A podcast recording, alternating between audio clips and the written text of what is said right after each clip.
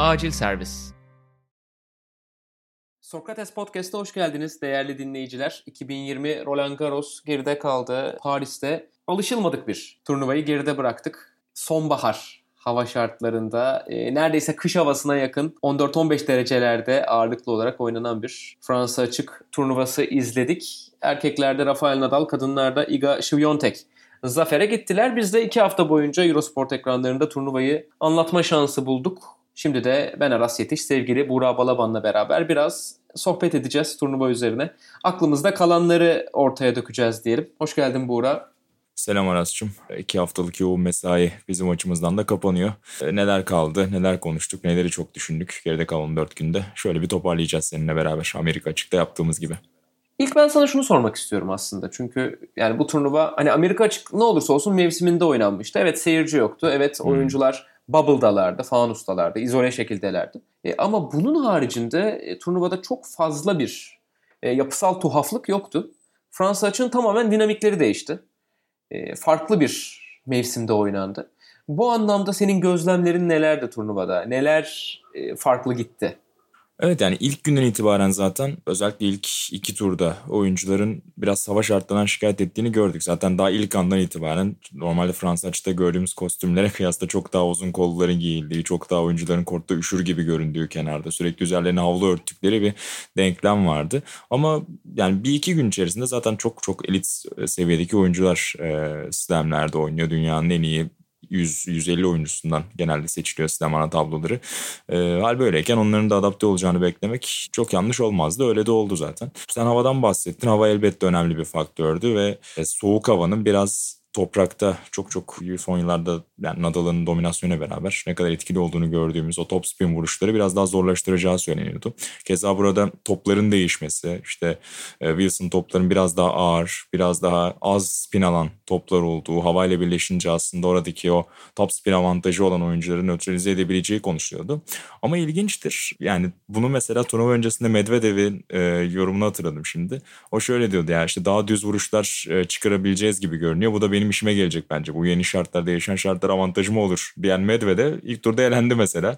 Ama en çok zorlanmasını beklediğimiz acaba bir sorun doğar mı dediğimiz Rafael Nadal'ın ise en çabuk uyum sağlayan oyuncu olduğunu gördük. O yüzden aslında evet çok fazla şüphe vardı ama bir şekilde adapte olacağını kestirmek gerekiyor herhalde oyuncuların. Bu tür minör, bu tür ufak farkları bir şekilde kendi içlerinde halledebiliyorlar ardarda arda o antrenmanlarla beraber. Aynen öyle. Hatta Nadal şunu söylemişti yani toplarla ilk olarak Mallorca'da kendi akademisinde oynadıktan sonra sıcak havada hmm. oynadıktan sonra dahi çok ağır bulduğundan bahsetmişti. Bir de üstüne gelip soğuk havada ve hafif nemli zeminde o toplarla oynayıp turnuvayı kazanmayı bildi. Yani ben hani kendi açımdan, kendi tecrübelerime dayanarak en zor Fransa açığı olduğunu düşünüyorum bunun. Yani hem psikolojik anlamda çünkü 7 ay tenis oynamadan geldi. Doğru. Pandemi arasından bu turnuvada döndü. Ee, hem işte bu bahsedilen teknik değişiklikler, Nadal'ın 12 şampiyonluk kazandıran en önemli silahını belki de e, nötralize eden, senin dediğin gibi bir miktar nötralize eden şartlar. Ve ne olursa olsun e, karşısına çıkan finalde bir Novak Djokovic hatta birçoklarına göre turnuva öncesinde yani bu şartlarda Nadal'a karşı favori gösterilen Novak Djokovic. Biraz erkekleri konuşarak başlayalım dilersen. Girizgahı böyle yaptığımız için. Ee, sen ne dersin bu konuda? Yani Nadal'ın önceki Fransa açık şampiyonluklarıyla bunu kıyaslarsan. Yani muhakkak daha zor rotalardan gittiği Fransa açıklar oldu. Daha iyi oyuncularla karşılaştığı Fransa açıklar oldu ama herhalde böylesi yoktu. Evet yani bir de hani Nadal'dan bahsederken rutinlerine ne kadar bağlı bir oyuncu olduğunu da hatırlamak lazım. Yani az önce adaptasyondan bahsettik belki ama Nadal her zaman o adaptasyonu yaparken kendi rutinlerine aşina. İşte ne, nerede ne turnuvayı oynayarak geleceği de çoğunlukla belli olur. Belli şampiyonluklar yaşayıp o toprak alışkanlığını elde edip gelir. Senin söylediğin gibi yani pandemiden dolayı hiç korta çıkmadı neredeyse. Sadece Roma Masters'da gördük. Orada Diego Schwartzman'a kaybetti ki o da bir acaba doğurdu. Bir soru işareti uyanmasına sebep oldu. Öbür tarafta sen Djokovic'den bahsettin. Yani ne kadar özel bir sezon geçirdiğini tüm bu şartlarda dünya değişmişken kortta bitirdiği herhangi maçı kaybetmeden buraya gelen ay ekstra belki Amerika açıkta yaşadıklarından dolayı hırslanan bir Novak Djokovic'e karşı hani önceki turnuvalara kadar e, kıyasla en açık makasla favori olduğu turnuva değil Nadal'ın. Üstüne üstlük Dominic Thiem'in de yıllardır bağıra bağıra geldiğini biliyoruz. Onun da işte slam şampiyonundan sonra acaba bir özgüven aşısıyla daha farklı olabilir mi sorusu vardı. Tüm bunlar ışığında tabii ki inanılmaz favori değildi belki Nadal. Ben orada şunun faydalı olduğunu düşünüyorum. Aras bilmiyorum ne düşünüyorsun? Özellikle ilk hafta ciddi bir test olmaması onun için hem havaya hem işte toplara hem o aradaki 6,5-7 aylık ve hani Roma Masters'ı saymazsak uzun boşluğa bence çok iyi geldi. Yani işte mesela Siner gibi bir testle ilk turda karşılaşsa ya da biraz daha başını artabilecek bir oyuncuyla daha uzun mesai yapmak zorunda kalsa ilk turlarda belki ona da biraz daha zorlu, biraz daha özgüveni adım adım depoladığı bir iki haftalık yolculuk olmayabilirdi. O anlamda ilk 3-4 turdaki en azından rakipleri de bence iyi geldi Nadal. Yani birçok şey karşısında gibi görünüyordu şartlar olarak ama sanki ilk hafta kurası da e, ilaç gibi geldi o anlamda. Ya bu üzerine zaten konuşulan bir şey. Grand Slam tenisinde e, hmm. en üst düzey oyuncular için. Yani test edilmek mi iyi, ilk hafta edilmemek mi iyi? E, farklı görüşler var bu konuda. E, Nadal gerçekten yürüyerek geçti turnuvanın ilk haftasını. Hani hiç zorlanma emaresi göstermedi. Çok az oyun kaybetti. Ama bunun ikinci hafta başına çorap örebileceğini düşünenler vardı.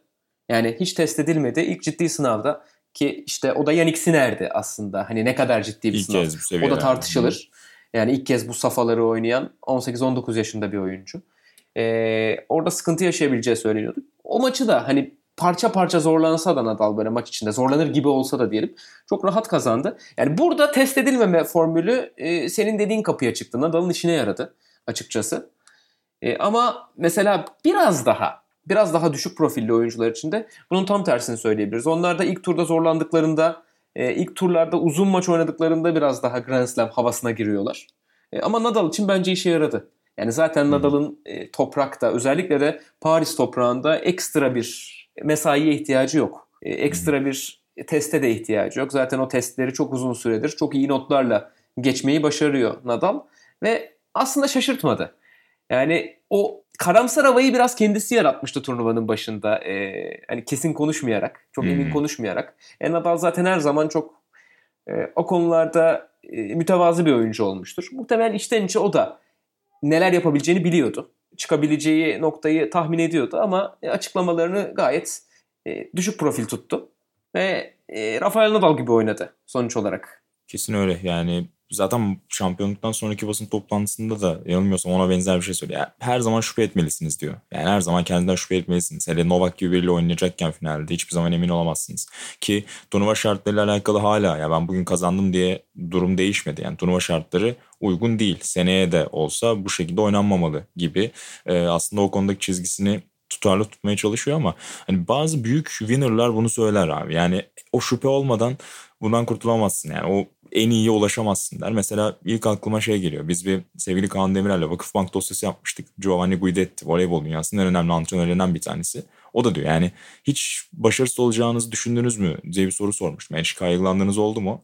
Her zaman demişti. Yani kaygılanmadığım tek bir gün olmadı demişti. Hani bu biraz işte o şüphe etmek, her şeyin o ince ayarlarını son ana kadar yapabilmek, en iyisini ortaya koyabilmek için belki beslendikleri de bir şey. Bu tür kazanmaya takıntılı figürlerin, Guidetti olsun, Nadal olsun birçok büyük winner'ın olduğu gibi.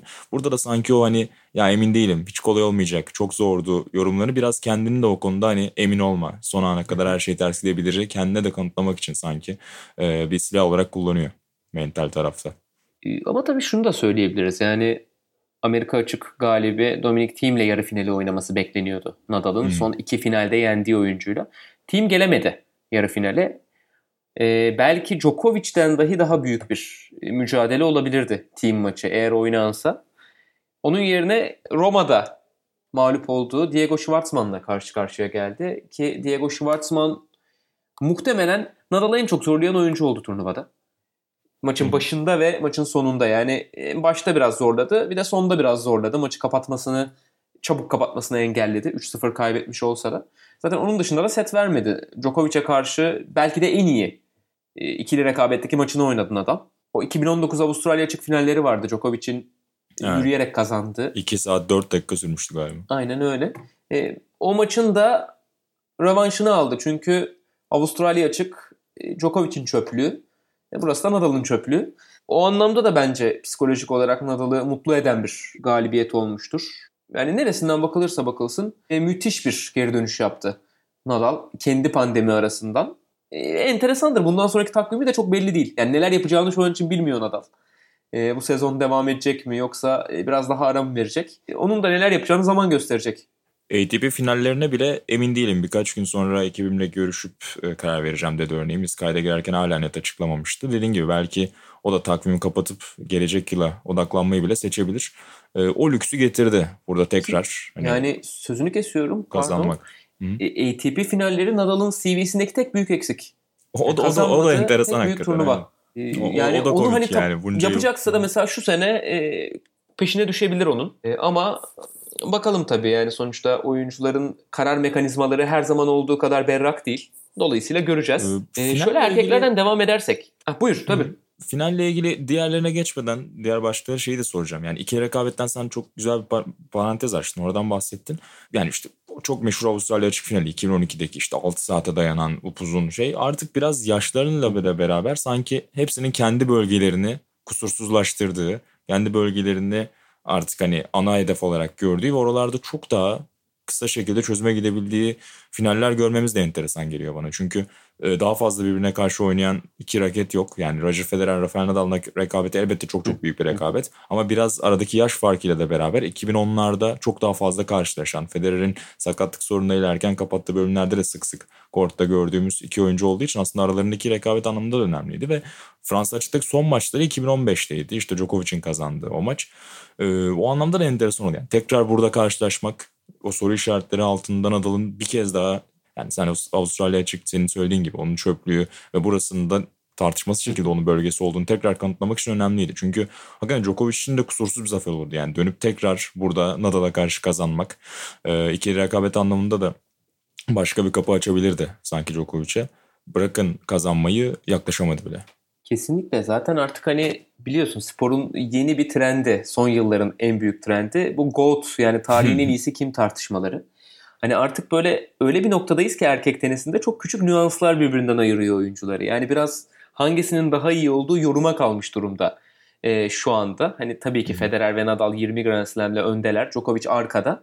Ama e, kişisel argümanlarla işte e, fikirlerle herkes birbirini çürütebilecek şeyler çıkarabiliyor ortaya. O yüzden aralarındaki maçlar çok önemli bir hale gelmeye başladı. Mesela Nadal burada bir maç kaybetse e, Fransa açık finalinde Djokovic'e. Djokovic bu sezonu kazanılabilecek yani diskalifiye olmadığı Amerika açık, diskalifiye olduğu Amerika açık bir kenara koyarsak iki Grand Slam'ı kazanıp hmm. işte maç kaybetmeyerek belki de kapatacaktı bu sezonu Nadal'a burada yenilmese.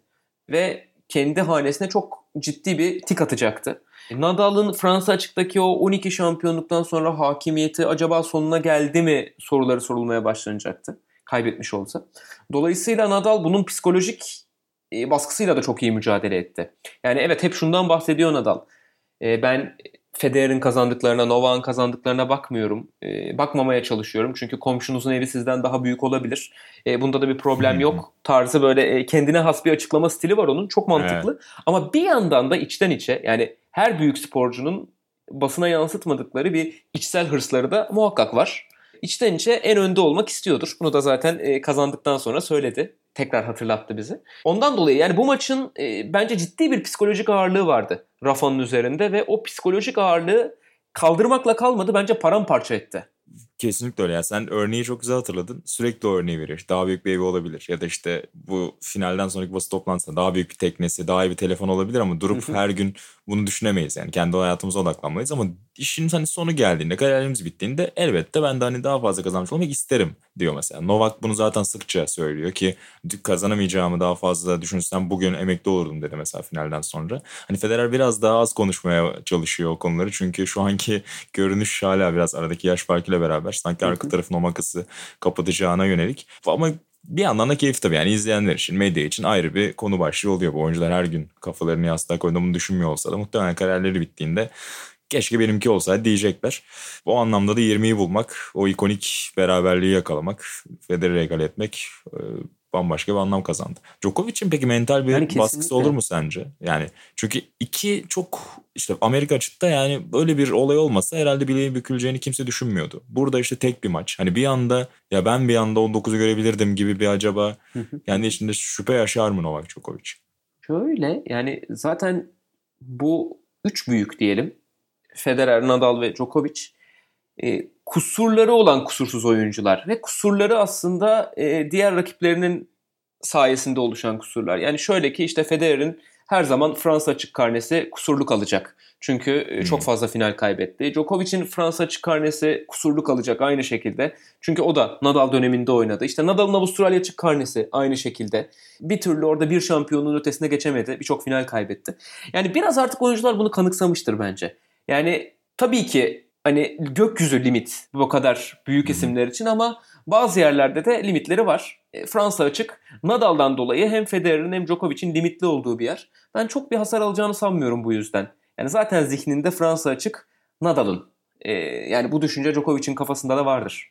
Artık kabulleniliyor. Yani bir Avustralya açık finali kaybetmek onu çok daha fazla yaralar. Ona şüphe yok. Yani evet bir Avustralya açık finalinde paramparça etse Nadal Djokovic'i, Djokovic'i daha çok bozardı bu. Veya bir Wimbledon finalinde.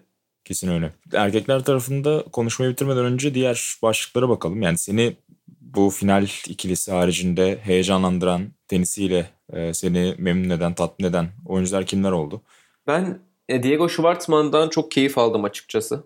Hmm. Gerçekten özel bir oyuncu. Yani 1.70 olup öyle bir agresif güç tenisi oynayabilmek hem de bu kadar ağır bir zeminde topları çok erken alarak e, bence takdire şayan. Zaten Roma'da belirtileri göstermişti. Pandemi arası öncesinde de iyi oynamıştı Schwartzman. Doğru. E, 8 numara oldu. Yani tabii ki hani Nadal turnuvanın oyuncusu çünkü turnuvayı kazandı. Ama e, Nadal zaten Fransa açık demek. O yüzden ben turnuvanın oyuncusu Diego Schwartzman diyeceğim. Nadal'ı yani Nadal'a Nadal zaten turnuvanın ta kendisi ayrı bir diyeceğim. noktada. böyle kaça böyle kaçacağım. Aynen Nadal eşittir Fransa açık ama 2020 Fransa açığın hikayesi Diego Schwartzman'dı bence erkeklerde. Ben de Şipas'tan bahsedeyim. Hani, ha buyur aynen ben de onu söyleyecektim. Sen bahsedersen daha iyi tabii. Aynen yani Şipas'ta bir de bir önceki haftayı turnuva oynayarak geldiler. Şimdi girişte konuşmadığımız konulardan biri de normalde hani bir süre toprak turnuvaları farklı yerlerde oynayıp çok daha alışmış geliyordu oyuncular. Bu sefer yani iki hafta önce Amerika'dalardı. Geldiler ki işte seyahatlerde pandemiden dolayı problemler var. Bazen karantinada kalabiliyor oyuncular. Bazen rahat hissetmeyebiliyorlar. O sağlık şüpheleri de var. Onların yanında bir anda bir iki haftalık periyotta zemin değişikliğine alışmaları lazım. Başka bir havada buna alışmaları lazım gibi çok fazla da soru işareti vardı. O yüzden çok fazla turnuva imkanı yoktu oyuncuların. Çiçipas Roma'da erken elince Hamburg'u oynadı Rublev'le beraber. Orada finale gittiler. Final oynadıkları gün Fransa açık başlamıştı. Yani hiç nefes alma imkanı olmadan seyahat edip bir anda maçlara çıktılar ki hem Rublev hem Tsitsipas e, ilk turda 2-0 geriye düşüp geri dönüp aldılar. Ama sonrasındaki Tsitsipas beni çok etkiledi Aras. Yani e, zaten potansiyelini anlatmaya gerek yok. Çok sık konuşuyoruz ama o hani tamamen odağını koruduğu uzun süreli 2-2,5 saatlere bu odağı yayabildiği maçları çok fazla göremiyorduk genelde. Yani geçen yılki Fransa işte elendiği Wawrinka maçı buna iyi bir örnekti mesela olumlu anlamda ama çok sık da dağıldı. Özellikle büyük sahnelerde, büyük rakiplere karşı bir anda kendini kaybetti. İşte babasıyla tartışmalara girdiği maçlar çok görmüştük. Bu sefer o ilk iki setin ardından Munar maçından sonraki arda arda yani hiç set bırakmadan yarı finale kadar geldi ki Rublev önceki iki maçlarında onu yenmiş Rublev'e karşı mükemmel bir çeyrek final oynadı. Ee, beni çok umutlandırdı açıkçası Stefan Tsitsipas. Ki Djokovic'e karşı da evet yani 5. sette çok varlık gösteremedi belki ama tıpkı geçen yıl Medvedev'in Amerika açık finalinde Nadal'ı 2-0'dan 5 sete zorlaması gibi. Yani o ayrı bir paye, o ayrı bir onlar için sanki bir hani hemen pes etmeyip bir şekilde onu zorlayabileceğini hissetmeleri için de bence iyi birer örnek. Bu anlamda Şipas adına da bence önemli bir hani kırılma turnuvası olarak hatırlayabilir birkaç yıl içerisinde sanki. Kesinlikle. Senin bahsettiğin şey mesela Avustralya açık finalinde bu sene e, Dominik Thiem'in de başına gelmişti yine Djokovic'e hmm. karşı 5. sette. İşte Medvedev örneğini verdin. İşte Çiçipas'ı bu turnuvada gördük. Yani hala makasın aslında e, ciddi anlamda açık olduğunun bir kanıtı bu. E, evet maçı oraya götürebilecek kadar iyi oyuncular. Yani oyunculuk kısmında, tenisçilik kısmında e, eksikleri artık belki yok bu isimlerin. İşte Çiçipas'ın, Team'in, Medvedev'in, biraz bir parça Zverev'in diyelim. Ama mental olarak hala o seviyede değiller. Yani zaten o seviyede çok çok az sporcu var tarihte. Ee, hala o hamleyi yapamıyorlar. O hamleyi yaptıkları gün belki bir bayrak değişiminden bahsedebiliriz ama e, sanırım henüz değil yani. Ben o 5. sette Tsitsipas Djokovic maçında bunu hissettim. Yani o 6 birlik 5. set o kadar da gösterişli bir şekilde maçı 2'ye 2'ye getirdikten sonra hala arada ciddi bir farkın olduğunu söylüyor bize. Düşündüğümüz kadar daralmamış gibi geliyor değil mi bu tür anlarda makas? Yani makası hani ne daraltacak? Bakıyoruz şimdi yaş faktörü var işin içine giren. Sakatlıklar makatlıklar geçiriyor bu oyuncular. Djokovic'de, Nadal'da, Federer'de. Ama bir şekilde her döndüklerinde makasın hala açık olduğunu görüyoruz. Yani o enteresan. Ben hangi noktada artık böyle ciddi bir fren yapacaklarını görmek istiyorum demeyeyim ama merak ediyorum ne noktada olacağını. Evet yani en heyecan verici şey olacak zaten önümüzdeki 5-6 yıl içerisinde herhalde. Yani o bayrak değişimi nasıl gerçekleşecek? Hakikaten bu büyük üçlü çekildikten sonra mı? Tıpkı Amerika açık finalinde timin kazanışına yani o zafere giderken ortalık bomboştu ve bir şekilde gidebildi. Ee, acaba ileride de bu 5 yıl boyunca yeni de Nadal'lar, Djokovic'ler, Federer'ler kazanmaya devam edecek ve onlar çekildikten sonra mı acaba ipleri alacaklar yoksa onlar hala turdayken, hala üst seviyede oynarken bir şekilde o gediği oluşturabilecekler mi? Erkekler tenisi için önemli olacak tabii. Ya çünkü yani diğer sporlara da baktığımızda yani dünyanın en iyi sporcusu payesini taşımış işte e, geride kalan yıllarda taşımış oyuncuların hepsi hala yani birçoğu diyelim zirvede kalmayı sürdürüyorlar. İşte LeBron James örneği var, Cristiano Ronaldo örneği var, Messi örneği var. Teniste bu oyunculardan bahsediyoruz. Yani artık sporcuların fiziksel olarak zirvede kalma yaşları da çok ilerledi. Ve Hı. belki de yani sporun çehresinin değiştiği bir noktada duruyoruz bu anlamda. Çünkü eskiden 35 sonrası e, boşluk sayılırdı sporcular için. Hatta 32-33'ten sonrası tenis için biraz daha farklıydı durum. E, şu anda işte 34'ünde Nadal, 33'ünde Djokovic, Federer 40'ına gelecek, gelmek üzere. Set bırak. Hala e, zirveye çok yakın durumdalar. Hatta zirvedeler yani. Çok enteresan. Ya benim ilgimi çeken konulardan bir tanesi de bu. Sporlarda sporcuların yavaşlama yaşlarının çok ilerlemiş olması. Evet yani işte gelişen tıpla beraber o yenilenme sürelerinin çok daha azaldığı. Çünkü işte iki günde maç yapmak temposunda söylediğin gibi eskiden o yaşla beraber 30'un ardından çok zorlayıcı oluyordu. Ama artık o kadar farklı metotlar var ki yani 5-6 saat içerisinde ki mesela Nadal Siner maçın çok geç başladı. Gece 1'e doğru bitti yanılmıyorsam örneğin yerel saatte. Aynen öyle. Ama bir buçuk günde Schwarzman gibi çok yıpratıcı bir oyuncuya karşı çok daha hazır bir durumdaydı. Yani fiziksel olarak o eşiği herhalde dediğin gibi o 40'a doğru sanki hissedecekler gibi görünüyor. Ya da en azından 37-38 ile beraber. Hal böyleyken de tabii o hük hükümranlığın ortadan kaybolmasını beklemek biraz naiflik olacak gibi. Hem Nadal hem Djokovic. Aynen ya Serena Williams da mesela bir örnek hani e, o da hmm. az önce sayarken aklıma gelmedi. O da aynı şekilde yani Tabii. Grand Slam finalleri oynamayı sürdürüyor. Yani enteresan. Şimdi erkekleri ufak ufak kapatmadan evvel o zaman ben birkaç soru yönelteyim. Hı hı. Sana sorayım ve kadınlara geçelim ufak ufak. Sence turnuvanın oyuncusu erkeklerde? Senin az önce söylediğin gibi Nadal'ı başka bir kata koyuyorsak eğer ben Yannick Sinner diyeceğim. Ee, onun için de bir güzel. devrim başladığı turnuva olarak anabiliriz bunu. Çok hani çok sakin kalıyor kortta. Birçok genç oyuncu da o sinir patlamalarını görüyoruz. Medvedev, Çiçipas hepsinde, team'de bile görüyoruz. Ama Siner'de beni etkileyen noktalardan biri de o. Yani oyunun zarafetinin yanında o güçlü forentlerinin her ralliden agresif kalmaya çalışan yapısının yanında kırılma anlarında da çok mental olarak güçlü kalabiliyor Siner. O yüzden de e, yeni bir devrin onun açısından açıldığı turnuva olabilir. Ben onu ön plana çıkaracağım. Sen Schwarzman diyorsun galiba. E, Schwarzman diyeyim ben de ama senin Siner'den bahsetmen çok güzel oldu. Şimdi haksızlık olacaktı ona da bahsetmemek. Turnuvanın hayal kırıklığı. Yani Medvedev yani ilk turda elenmesi çok büyük hayal kırıklığı tabii bana kalırsa. Çünkü söylediği gibi yani şartlar biraz da ona da uyacak gibi görünürken gidip ilk turda boyun eğmesi Fucovic'e benim tarafımda biraz hayal kırıklığı oldu artık. Yani bu oyuncuların hani bahsediyoruz zaten ilk beşin ilk onun gediklisi diye gördüğümüz oyuncuların artık o ilk tur vedalarını, ikinci tur vedalarını biraz rafa kaldırması gerekiyor. Tamam Nadal'a, Djokovic'e, Federer'e kaybetmek en büyük günah değil hala. Ama en azından hani bir dördüncü turları, çeyrek finalleri normalleştirmeleri lazım kendileri için. O yüzden benim için Kesinlikle. büyük hayal kırıklığı oldu. Ee, ben buna Dominic Thiem diyeceğim. Yani ne olursa olsun. Şimdi hmm. kariyerindeki ilk Grand Slam'in yıllarca peşinden koştu. Onu kazanıp geldi. Ee, büyük rakiplerinden yani Nadal veya Djokovic'ten birine yenilse kesinlikle demezdim bunu. Ama Schwartzman'a yenildiği için yani benim hayal kırıklığı adayım o açıkçası. Bir de tabii benim klasik her zaman Fahri genel hayal kırıklığı adayım vardır Zverev. ee, onu da onu da koyacağım. O da yani Amerika açık finali oynayıp geldi. Yani ikisini de kaybetti. Hastaydı o maçta. Kaybettiği maçta ama yine de üzdü bizi. Aynen. Açıkçası. Canını yakmaya devam ediyor. Bu arada biraz bir hani hem Zverev hem team'i e, tek potada şöyle belirtebiliriz sanki arası. Yani ilk işte Zverev ilk sınav evet, finalini evet. oynadı. Evet. Team ilk şampiyonluğu yaşadı. Turnuvadan önceki açıklamalarında da hatırla team şey diyordu. Yani normal şartlarda ben muhtemelen şu an bir turnuva oynamıyordum. Yani ben bir ilk slam'in tadını daha fazla çıkarmak, daha fazla eğlenmek isterdim. Ama hani bunun için bir vakit yoktu. Yani bir an önce hazırlanmam gerekti dedi team. Bir de bunun üzerine hem o yani ilk silemi en azından cebine koymuş olması, o baskıyı biraz kenara atmış olması. Hem bir yandan da zor bir kurayla ilerlemesi. Yani Gaston çok üst düzey bir oyuncu değil belki ama stil olarak onu çok zorladı. Yani çok fazla enerji sarf etmesine sebebiyet verdi team'in.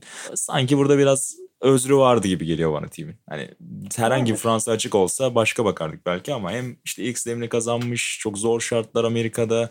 E, oradan bir şekilde bubble'dan çıkıp almış gelmiş biraz o bubble'dan çıkıp nefes alacağı dönemde bir anda başka bir slime hazırlanmak derken biraz ben şey gördüm burada mar maruz gördüm diyeyim. Ya tabii e, hani ben benimki de şey işte insan sevdiklerine yüklenirmiş en çok. Yoksa e, canları sağ olsun canım dinlensin çocuklar. Turnuvanın maçı Düşünüyorum.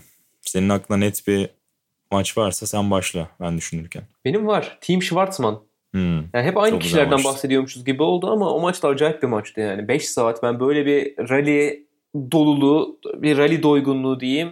Yani en son bu 2011-2012'de oynadıkları Amerika açık Avustralya açık maçlarında Nadal Djokovic'te görmüştüm. Hı hı.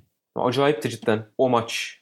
İyi seçim ya iyi seçim sen söyleyince bana da mantıklı geldi. Farklı aday çok fazla yok. Drama sosu anlamında Shapovalov Karpayes Bayern maçını analım. Yani yazık oldu orada. Aynen. Yani her sene olduğu gibi yine toprakta o içeride dışarı tartışmalar oldu ama bunun tabii kırılma anlarında gelmesi çok daha can yakıyor. Bir de Şapo hani iyi de oynayıp biraz işte Amerika açıları iyi görünüp tabii, tabii. buraya da hani bir şeyler acaba olur mu diye gelmişken çok büyük talihsizlik oldu ikinci turda. Ben öyle bir drama maçı seçeyim biraz e, kestirme yol çizeyim. Ya ben hani Valla Amerika açığın, işte Avustralya açığın, Wimbledon organizasyonunda falan olsam e, Fransa açığa Şahin Gözü sistemi bağışlarım. Hediye olarak. Alın kurun şunu. En azından büyük kortlara kurun. Şahin gözünüz olsun ya. Yani artık olacak iş değil bu. Yani şu devirde yani. hala oyuncuların o şekilde e, sıkıntı yaşadığını görüyoruz turnuvada. E, ki kendileri de bundan bahsediyorlar. Şahin gözü gel- gelsin, hmm. gelecek, ne zaman gelecek? Ya buna itiraz eden biri var mıdır sence oyuncular arasında? Yani hiç yok neredeyse ki yani Nadal'dan bahsediyoruz. En işte geleneklerine bağlı diyelim. Buranın işte en eski halini de bilen. Ya o da yıllardır diyor. Yani artık gelsin gelmeli. Hep şey söyleniyordu biliyorsun işte kalibrasyon zamanı lazım. İşte toprakta değişebildiği için zemin e, toprak hareketinden dolayı işte bir kalibrasyon süresi oluyor. O yüzden yoğun sistem takviminde zor olabiliyor gibi şeyler de artık hani bunun bir yolu bulunabilir gibi görünüyor. Ne olursa olsun. E, Fransa açık zaten hep bulunur, yani bulunur. yönetimi, kararları hep bir üvey evlat muamelesi görüyor bir yandan haklı olarak oyunculardan. Çünkü diğerlerinin profesyonelliğin yanında burada hep bir soru işareti her sene bir bomba görüyoruz. Bu sene bakma şansları da yaver gitti. Yani çatı bu sene yetişmeseydi şu kadar yağmurla yani bu fikstür nasıl yetişirdi ben bilmiyorum. En azından tek e, salonda da olsa. Sürerdi de. Aynen öyle ya Şatriye'de de olsa çatının kapanıyor olması çok büyük kurtardı. Yani geçen yıl dahi yoktu hatırla.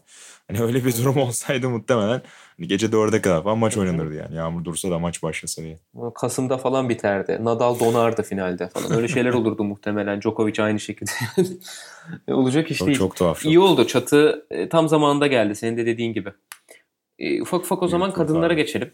Aynen Biraz, öyle. E, oradan bahsedelim. Çok gösterişli bir hikaye.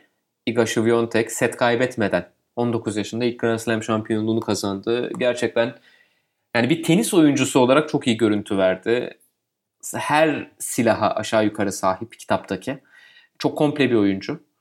Uzun süredir hani tabii ki bunu kadınlar tenisinde en azından söylemek çok kolay değil. Çünkü neredeyse son işte 10 Grand Slam'in 5-6 tanesi bize heyecan verici yetenekler hediye etti. İşte Andrescu'yu hatırlıyorum, Kenin'i hatırlıyorum, işte Barty'yi hatırlıyorum geriye dönüp şöyle bakınca.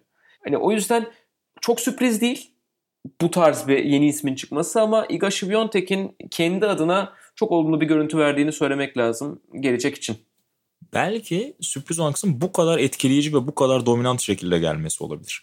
Ee, sana birkaç isimden bahsettin. Aslında benim de aklımdaki sorulardan biri olacaktı sana. Yani çok fazla ilk şampiyon gördük birkaç yıldır. İşte Osaka'nın 2018 ile belki başlayabiliriz. Andreescu söylediğin gibi Barty. Birçok iyi heyecan veren oyuncu gördük. Kenny'nin ilk şampiyonluğunu Avustralya açıkta gördük. Ama herhalde en etkileyici ilk şampiyonluk desek biraz Şiviyontek'i ayrı bir yere koyacağız gibi görünüyor birkaç yıl sonra dönüp baktığımızda. Çünkü yani set bırakmadan gelmesi, e, tek bir rakibi hariç hepsine karşı en az bir seti 6-1 ile hani çok baskın şekilde kazanması, e, Halep gibi buraya bir galibiyet serisiyle gelen tamamen o doğanı buraya koymuş ve hani kadınlar tenisinde bir sürede çok net favori çoğu slam için belirleyemiyoruz. Yani Serena'nın o baskınlığı azaldığından beri. Halep ama burada herhalde bir sürede gördüğümüz en net favoriydi baktığında. Yani e, Roma'yı da kazanıp geldi. Orada Muguruza'yla çok çetin bir maç oynadı aldı geldi.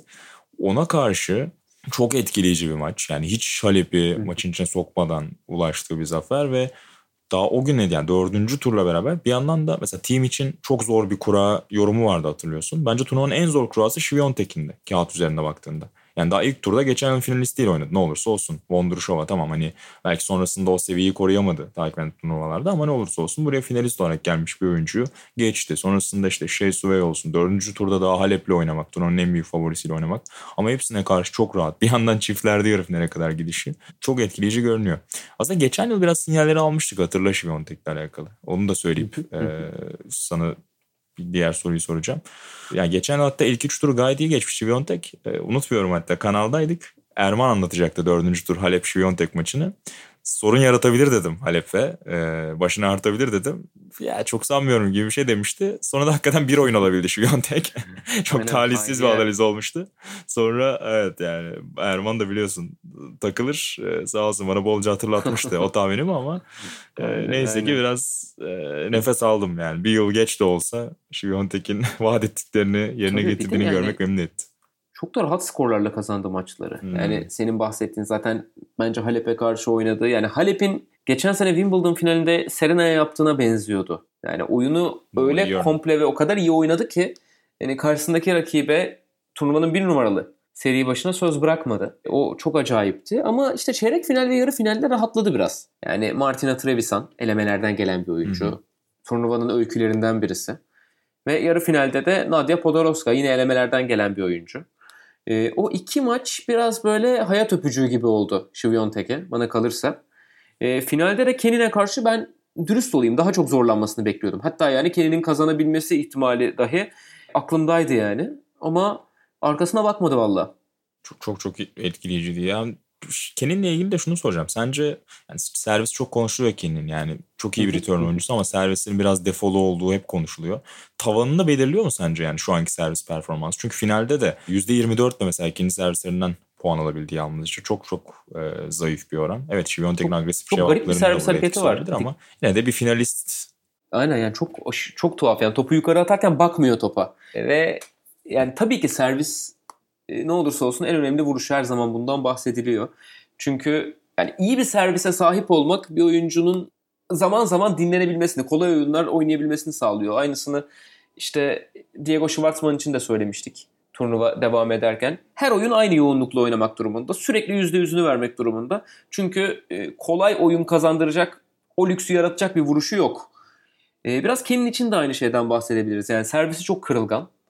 Dolayısıyla birinci oyundaki enerjiyi ikinci oyunda da, üçüncü oyunda da, dördüncü oyunda da aynı şekilde sürdürmesi lazım. Maç bitene kadar. Bundan dolayı yani ben şimdi bu sezon iki Grand Slam finali oynamış, birini kazanmış bir oyuncuya servis onun için bir blokajdır. E, servisini geliştirmezse veya servisteki defolarını halletmezse bir şey yapamaz diyemem. Şimdi onu demek haksızlık olur. Ama bazı noktalarda işte bu turnuvada finalde olduğu gibi önünü kesecek Sofya Kenin'in servisindeki handikap. Öyle görünüyor özellikle agresif returncülere karşı. Ki yani de, hani hı. ne olursa olsun kadınlar tenisinde servis karşılamak erkekler tenisine göre biraz daha hız ve spin miktarı daha düşük olduğu için hani biraz daha kolay diyebiliriz. O yüzden daha fazla elit returncu var kadınlar tenisinde. Ee, bundan dolayı da işi biraz daha zor olacaktır. Öyle görünüyor. Peki işte birçok isimden bahsettik. Hepsi 20'lerin başında Osaka, Andreescu, Barty hala çok uzun süredir onu tanıdığımız için daha yaşlı geliyor ama o da hala 24-25 yaşında. Ee, ya önümüzdeki 10 yılı bana çok heyecan verici geliyor şu an WTA'nin. Yani geride kalan yıllar biraz Hani işte atıyorum Wozniak'ler bir numaraya çıktı ama hep o kırılganlığı vardı. Pliskova keza öyle. Slam'lerde beklentileri veremedi. Halep çok zorlandı uzun yıllar sonrasında yeni birkaç yıldır Slam'de istikrarı buldu. Ama geleceğe bakarken yani ilk Slam şampiyonluklarına erken erken dağılmışken bu oyuncular o bariyeri erkenden kaldırmışken sanki çok böyle etkileyici bir döneme doğru gidiyoruz gibi geliyor bana. Çok geniş bir yetenek havuzu birçok farklı yönünü işte kendinin farklı bir yönünü ön plana çıkarıyoruz. Şiviyontek'in işte top spinlerinin çok etkileyici olduğunu görüyoruz. Osaka bazen başka bir noktaya çıkarabiliyor kendi seviyesini. Andreescu'nun sert kort performansı. Çok heyecan verici bence önümüzdeki 5-10 yılı için WTA'yı. Kesinlikle kesinlikle. Ben hani bir de bu oyunculara eğer ivmesini sürdürebilse Ostapenko'yu katmayı isterdim. O da bir Fransa açık kazandı. Hmm. Durdu kaldı sonra. Yani alakası olmadı bir daha. Hiç oralara gelemedi. İşte Sloane Stevens aynı şekilde bir turnuva kazandı. Yine kaldı. O seviyeyi koruyamadı. Muguruza iki Grand Slam kazandı ama hani hala kendisinden beklenmeyen maçları kaybetmekte üstüne yok. Yani enteresan buluyorum. Bu işte Azarenka'nın dönüşü güzel oldu. Tekrar iyi Keza. formuna. Ama yani bu bahsettiğim oyuncuların hepsi e, çok iyi oyuncular ve bir noktada tekrar o senin bahsettiğin mix'e katılabilecek oyuncular. E zaten bir sürü heyecan verici genç isim var. Yani nasıl erkekler tenisinde bambaşka bir e, birkaç kişinin hakimiyetinde olan bir görüntüden bahsediyorsak, daha az sürpriz olan bir görüntüden bahsediyorsak, kadınlar tenisinde de e, çok renkli bir görüntü var. İki farklı lezzet bence çok güzel. Çok çok keyifli. Katılıyorum.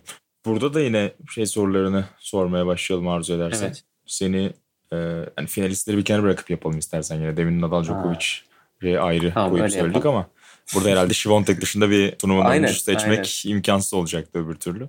Yani bir aynen ekstra öyle. oyuncu daha belirleyelim istersen. Hadi belirleyelim. Ya beni şey çok etkiledi açıkçası. Martina Trevisan'ın hikayesi. Hmm. Çok dibe vurup işte anoreksiya gibi e, ciddi hani ve hayatını tehdit edebilecek seviyede bir anoreksiyayı yenmeyi evet. başarıp e, elemelerden gelip bu turnuvada çeyrek finale çıkması. Bence çok etkileyiciydi. İşte Nadia Podoroska'nın yarı finali yine elemelerden gelip etkileyiciydi. Bir de şöyle etkileyiciydi. Hani Arjantin'in iki oyuncuyla yarı finalde temsil edilmesi hoştu. Güzel bir detaydı. E, hem erkeklerde hem kadınlarda. Herhalde Trevisan ve Podoroska diyeceğim ben ya eğer Şiviyontek'i bir kenara bırakırsak. Katılıyorum yani çok dikkat çekiyordu ikisi zaten. Ben de burada Trevisan'ı biraz daha ön plana koyacağım. Ee, sanki çünkü e, Podoroska'ya oranla daha istikrarlı olarak hani istikrarlı bir şekilde çeyrek final yapar diyemem ama slamlerde bu dördüncü turları daha sık görebileceğimiz bir oyuncu gibi geliyor. Hem yaptığı açıklamalardan hem oyun stilinden. Burada da yani ilk turda Camila Giorgi, sonra Coco Gauff, sonra Sakkari ki senle Sakkari'yi ne kadar beğendiğimizden bahsediyorduk. ee, son dönemdeki gelişimini konuşuyorduk. Sonrasında evet slam performansı hep sallanır Kiki Bertens'in ama ne olursa olsun 5 numara. Yani hani zor da bir rotadan geldi Trevisan. Öyle bir işte korumalı tabii, sıralamalar, özel davetler yenip de gelmedi yani. Ee, bahsettiğin anoreksiya çok acayip. Yani 4 yıl boyunca turdan uzak kalıyor yanılmıyorsam. Sadece günde tek bir e, kaşık çay bardağı mı ufacık bir şeyle cereal'la e, kahvaltı gevreğiyle günlerini geçiren e, hani bunun mental girdaba girip uzun yıllar çıkamadıktan sonra tekrar o ışığı bulması çok çok özel hikayeydi hakikaten. Trevisan umarım hani bu anlamda bir ilham kaynağı olarak da turda görmeyi sürdürürüz. Bir slam şampiyon olması yani, gerekmiyor bunun için kesinlikle. ama. Kesinlikle. Ve hani bu tip hayatında büyük yani spor tabii ki oyuncuların hayatlarının merkezi ama aslında spordan çok daha önemli şeyler var. Sağlık çok hmm. daha önemli bir şey. Yani bu tip bu tip büyük travmaları atlatan sporcuların da bir mental rahatlamaları olur. Yani tarihte, spor tarihinde bunun örnekleri vardır. Yani öyle bir rahatlamayla hani demiyorum ki Trevisan bir Grand Slam şampiyonu olur ama istikrarlı WTA'nin istikrarlı tenisçilerinden birine özellikle toprak zeminde yani dönüşme ihtimali var gibi. O açıdan ben de sana katılıyorum. Hayal kırıklığı Muguruza'yı mı seçeceğiz yoksa başka bir adam ben, var mı? Şimdi Halep ciddi bir hayal kırıklığı ne olursa olsun. Çünkü çok e, yani rüzgar gibi geliyordu hmm. elendiği maça kadar. Svitolina bence çeyrek finale çıkıp tablo böyleyken daha ileri gidememesi bir hayal kırıklığı. Çünkü sürpriz oyuncular vardı ve Podoroska'ya kaybetti elemelerden gelen. Doğru. E, açıkçası. Ya benim aklıma bu iki isim geliyor ama daha çok Svitolina diyeceğim. Çünkü bir tur fazla geçti ve iyi bir toprakçı Roma şampiyonu. Bir türlü o Grand Slam'lerde e, atılımı yapamayan oyuncular ekibinin kadınlardaki en önemli temsilcilerinden biri. Evet uzun süre o çeyrek final bariyeri vardı. Onu bir şekilde geçen kırmıştı ama sonrasında istikrarı gelmedi. Ee, burada da Podoroska onun bileğini bükmüştü. Ben yine biraz Muguruza tarafında kalacağım. Ne olursa olsun Hı, eski şampiyon olarak. Bir de e, yani geçen yılda beraber tekrar Conchita Martinez'de o rayını oturtmuş gibi görünüyorken yani burada Daniel Collins biraz hayal kırıklığı oldu açıkçası. Daha devamını getirmesini bekliyordum. Kesinlikle. Ee, Turnuvanın maçı turnuvanın maçı. Şimdi ya yani erkeklerde yakın yani geçen daha çok bir uzun maç ve mı? epik maçlara gittik. Evet, aynen. Yani ben burada Şiviyonte Kalep demek istiyorum. Çünkü gerçekten akıl almaz bir performanstı. Yani aklımda da o vardı evet yani illa e, çok yakın maç seçmek gerekmiyorsa benim de tercihim olacak. Yine enteresan hani drama soslu maç ekleyeyim ben de o zaman yine. Trevisan Goff maçı ikinci turdaki. O da çok enteresandı. Yani son sette Trevisan maç puanı görecekken yine Shapovalov'un başına gelenin çok benzeri geldi. Ve çok açıkça dışarıda olan topa Sandal Hakem içeride dedi. Ve bir anda Goff maça döndü ki hani Goff'un da bu tür momentum değişimleri ne kadar iyi kullandığını biliyoruz genç yaşında geçtiğimiz dönemlerde. Hani orada eyvah dedim yani hani yazık oldu. Bir de böyle ağlamakta oldu neredeyse Trevisan. Yani hani nasıl olabilir falan çok açık fark falan diyor. Hakem ikna edemedi. Ee, bir de gecenin son maçıydı böyle artık karanlık çökmüşken. Ona rağmen söylediğin gibi işte yani hayatında spor dışı çok büyük krizleri atlatanlar için bunlar biraz bazen normal. Ya ben neler gördüm kafasına girebiliyor oyuncular sanki. Trevisan da çok kısa süre içerisinde tekrar odağını korumayı başardı ve o seti kazanıp çok büyük bir hikaye yazdı. Belki orada hikayesi bitebilirdi. Orada biraz daha o hatalı karara odaklansa bir 5-6 dakikada bir anda golf maçı bitirebilirdi. Orada Trevisan tekrar odağını koruyup e, hikayeyi çok daha güzel bir yere taşıdı. Çeyrek finale kadar uzattı. O anlamda golf Trevisan maçı da epey enteresandı. Bir de ben şuna dikkat ettim Trevisan'da. Yani oynarken yüzünde hep bir gülümseme var. Hmm. Yani e, gülümseyen bir ifadeyle oynuyor. Çok enerjisi iyi olan bir oyuncu. Yani ben e, oldukça pozitif elektrik aldım kendisinden. Bu anlamda da yani ilerleyen turnuvalarda görmek istiyorum Trevisan'ı. Bir maç daha şöyle tabloya göz gezdirirken gördüm. Hı-hı. Drama açısından, olaylı geçme açısından Kiki Bertens Sarayerrani maçı enteresan hmm, bir maçtı. Doğru, doğru. E, o Bertens'in tekerlekli sandalyeyle terk ettiği kazanmasına rağmen Errani'nin numara yaptığını düşündüğü için tepki gösterdiği maç. Yine ilginç maçlarından bir tanesiydi böyle eski usul dramalı bir maçtı. John McEnroe ödülünü alan maç oldu. Aynen. Ama yani her anlamda enteresan bir senenin enteresan bir turnuvasını daha geride bıraktık. Evet ee, özellikle. Güzel bir turnuva oldu. Hmm. Yine en iyi oyuncular aslında öne çıktı. E, ve şey de bizi yanıltmadı yani son yılların devam eden formülü teniste. Erkeklerde istikrar, kadınlarda sürpriz. 2010'ların ve 20'lerin başının hikayesi diyelim. Devam etti. Ee, Bu açıdan da şaşırtmadı. Şuviyontek'in o anlamda şampiyonluk sonrası açıklaması e, hani bunu sanki oyuncuların da genç yaştan artık kafaya koymaya başladığını sanki gösterdi bana. Bu anlamda bir değişiklik görebiliriz belki ileride. Şey dedi yani kadınlarda çok fazla değişiklik oluyor yani çok fazla işte yeni şampiyon görüyoruz. Bu da bizim işte Roger, Rafa, Novak gibi e, o istikrarlı consistency dediğimiz o istikrarı oturtamamızdan kaynaklanıyor. Benim ilk hedefim şimdi o olacak. Zaten Naomi Osaka ile çok yakın arkadaşlar.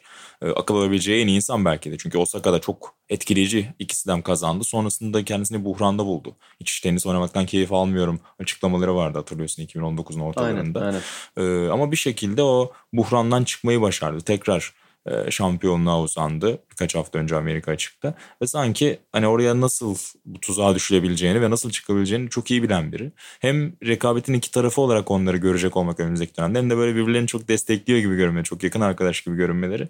E, o anlamda keyifli bakalım. Şu Biontech reçeteyi yazdı. E, tedavi uygulayabilecek mi göreceğiz. benim o konuda şöyle bir fikrim var. Bilmiyorum katılır mısın? Yani şimdi işte Roger, Rafa, Novak hmm. diyor. Serena Williams Yine akla hmm. gelen bir başka örnek. Yani 20 Grand Slam, işte 23 Grand Slam, 17 e, Grand Slam. Yani o kadar acayip sayılar ki bunlar. Yani çok, bir oyuncu çok. kendine hani bunu hedef koyamaz, koymamalı bence. Yani 5 Grand Slam kazanmak mükemmel bir kariyer bir tenisçi için. 3 Grand Slam kazanmak mükemmel bir kariyer. Yani o seviyede bir istikrar görmeyi beklersek bence görmeyi beklediğimiz her oyuncuya haksızlık ederiz. Orada evet. biraz kervan yolda düzülür tarzı oluşması gereken bir şey. Yani hani bir 7 Grand Slam kazandıktan sonra şöyle 9'lara 10'lara gidebiliyorsa hani oralarda artık konuşmaya başlanır bir oyuncu için. Acaba yeni bir Serena görüyor muyuz? Yeni bir Federer görüyor muyuz diye. Ama yani şu noktada hiçbir oyuncu kendine o tarz bir istikrarı hedef koymamalı. E, koyarsa üzülür. Başkaları koyarsa da baskı yaşar bana kalırsa. Yani Şiviyontek'te işte Osaka'da yani ona dikkat etmeleri biraz gerekiyor bana kalırsa.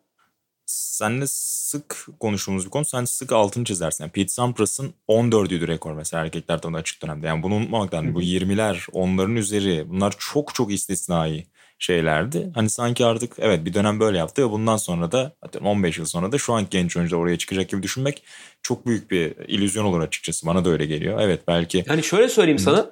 Roy Emerson'ın Grand Slam kazanma rekoru 12. 30 sene 30 küsür sene boyunca e, geçen kontrol ettim. Pete Sampras kırana kadar kalmış. 12. E, şu an Rafael Nadal'ın 13 tane Fransa açık şampiyonluğu var.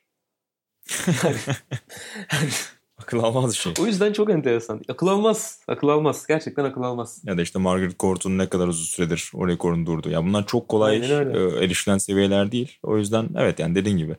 Belki hani 15'leri 20'leri hedef koymayacaklar ama istikrar dediği en azından hani slamlerde çeyrek finali normalleştirmesi lazım en azından bu hoca. İlk Aynen. hedef bu olmalı. Biraz- belki 5 Senede bir şampiyonluktan tane kazanmak belki Evet işte. yani 5 Hani şampiyonluk 10 şampiyonluktan bile önce yani ne olursa olsun ben hani kolay bir güne yani kafam dağınık çıkıp ilk turda eğlenmeyeceğim. Yani Pliskova gibi olmamayı belki kendilerini doğru yol seçebilirler. Her turnuvada bir çeyrek yer oynadığında zaten dediğin gibi o momentumu hissettiğinde senede bir şampiyonlukta sürpriz olmayacaktır zaten.